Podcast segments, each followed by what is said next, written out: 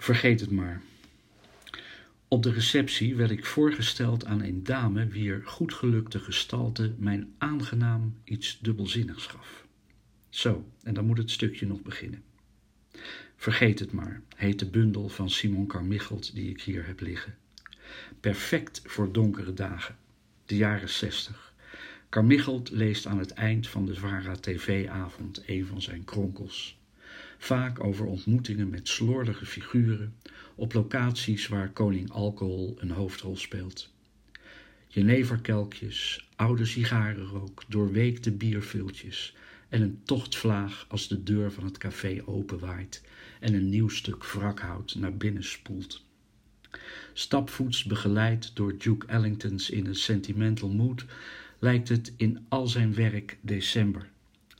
Stilistische hoogstandjes, ook als je ze leest met de haast van nu. Ragfijne tekeningen van menselijk leed en onvermogen.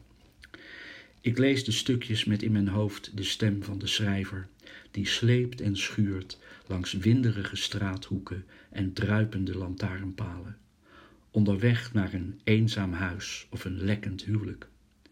Dat laatste overkwam ook hem. Met helden loopt het altijd anders af dan je zou willen. Dat vergeet ik maar.